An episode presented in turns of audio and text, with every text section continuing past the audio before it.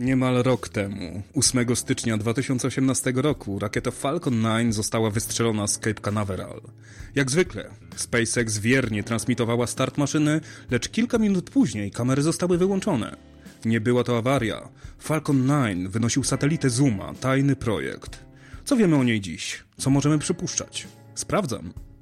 Wyobraź sobie sytuację, w której dostajesz proste zadanie: przenieść włączony głośnik przez szklany korytarz w centrum handlowym pełnym ludzi w godzinach szczytu. Nikt nie może się dowiedzieć, co niesiesz, a jeszcze przy każdym kroku buty ci się świecą na czerwono. We współczesnym świecie, w którym wielu miłośników astronomii kieruje w niebo swoje teleskopy, zaś radioamatorzy podsłuchują co tylko mogą, zadanie wystawienia zoomy na orbitę jest raczej dość porównywalne. Zuma, czyli tajny projekt, do którego tak w zasadzie nikt się nawet nie przyznaje, nie była rutynowym ładunkiem. Skonstruowana została przez Northrop Grumman. Koszty produkcji zostały oszacowane na 3,5 miliarda dolarów przez The Wall Street Journal. Na samej konstrukcji się jednak nie kończy, gdyż producent Zoomy zaprojektował i wykonał również mechanizm, który miał wyciągnąć satelitę z luku rakiety i umieścić w odpowiednim miejscu. Według oficjalnych doniesień producenta krytyczną kwestią było delikatne uwolnienie ładunku. Mimo, iż nie upubliczniono informacji dotyczących docelowej orbity, musiano otwarcie powiedzieć o obszarach, w którym można się spodziewać rakiety, choćby w przypadku awarii. Na tej podstawie obliczono, że inklinacja satelity, czyli nachylenie względem równika, wyniesie około 51 stopni.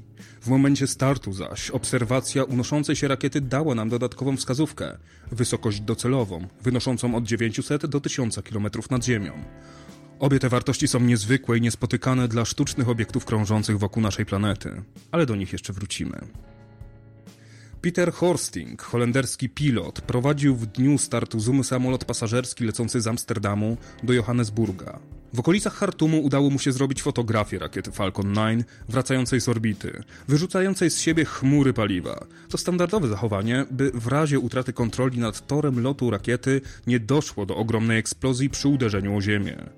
Jednak coś było nie tak. Strumienie tworzyły piękną spiralę, rakieta spadała obracając się. To już normalne nie jest. Znaczy to, że w nieprzewidziany sposób przeniósł się środek ciężkości i może to świadczyć o nieudanym odłączeniu Zoomy od Falcona. Podobnej obserwacji dokonano również w Sudanie. Zuma otrzymała jednak swój desygnat USA 280.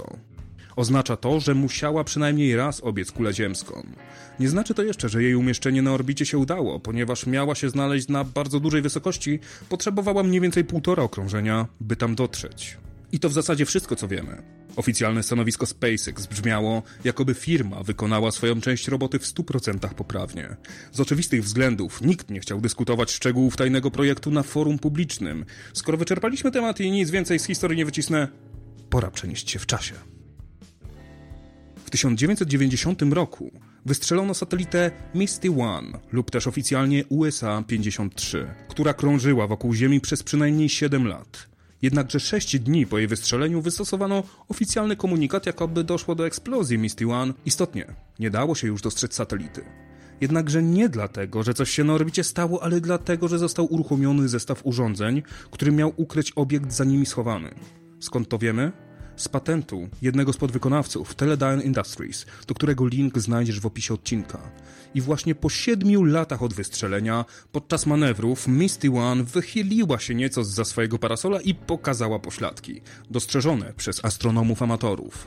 Jej parasolowi zaś zdarzało się też czasem w dość niespodziewany sposób odbijać światło słoneczne. Eksperyment jednak dowiódł, że schować satelitę na orbicie raczej się da. Wybierzmy się jeszcze w jedną wycieczkę wehikułem czasu, nim wrócimy do Zoomy. W 2007 roku Biuro Budżetowe Kongresu Stanów Zjednoczonych wydało opracowanie pod tytułem Alternatywy dla wojskowego radaru kosmicznego.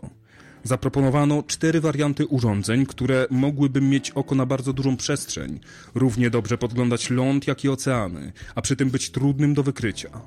Jednym z warunków każdego wariantu takiego urządzenia jest inklinacja 53 stopnie oraz wysokość 1000 km nad powierzchnią Ziemi. Z bardzo podobnymi wartościami już się dziś spotkaliśmy. Oczywiście, żeby nie być gołosłownym, dokument ten umieściłem w opisie odcinka. Oczywiście, może to być przypadek. Są to praktycznie jedyne weryfikowalne rzeczy, które możemy intuicyjnie wiązać z tym, co wiemy o Zoomie. Zaś ludzki umysł strasznie lubi zaciskać węzły przyczynowo-skutkowe. Zuma mogła zostać niepoprawnie oddzielona, nie dolecieć do docelowej orbity i spłonąć przy powrocie w atmosferę w losowym miejscu i czasie. Mogła zostać poprawnie umieszczona, zaś taniec rakiety SpaceX przy lądowaniu był celowym zabiegiem mającym nam zamydlić oczy. I w końcu oświadczenie SpaceX, że po ich stronie wszystko poszło dobrze, mogło być tylko przykrywką mającą na celu ukrycie przepalenia paru miliardów dolarów podatników. Sceptycyzm sugeruje ostrożność, nie zabrania nam jednak spekulować. Wielu entuzjastów przeczesuje niebo w poszukiwaniu tajemniczej Zumy. W trakcie jej poszukiwań znaleziono w magnetosferze satelitę wystrzelonego 12 lat temu, z którym niemal natychmiast po starcie utracono łączność, co dowodzi, że zmudne przeczesywanie nieba jakieś efekty przynieść może. Być może kiedyś komuś uda się przyłapać zoomy na gorącym uczynku. Póki co jednak, ilekroć spoglądamy w niebo, musimy pamiętać, że oni mogą nas obserwować.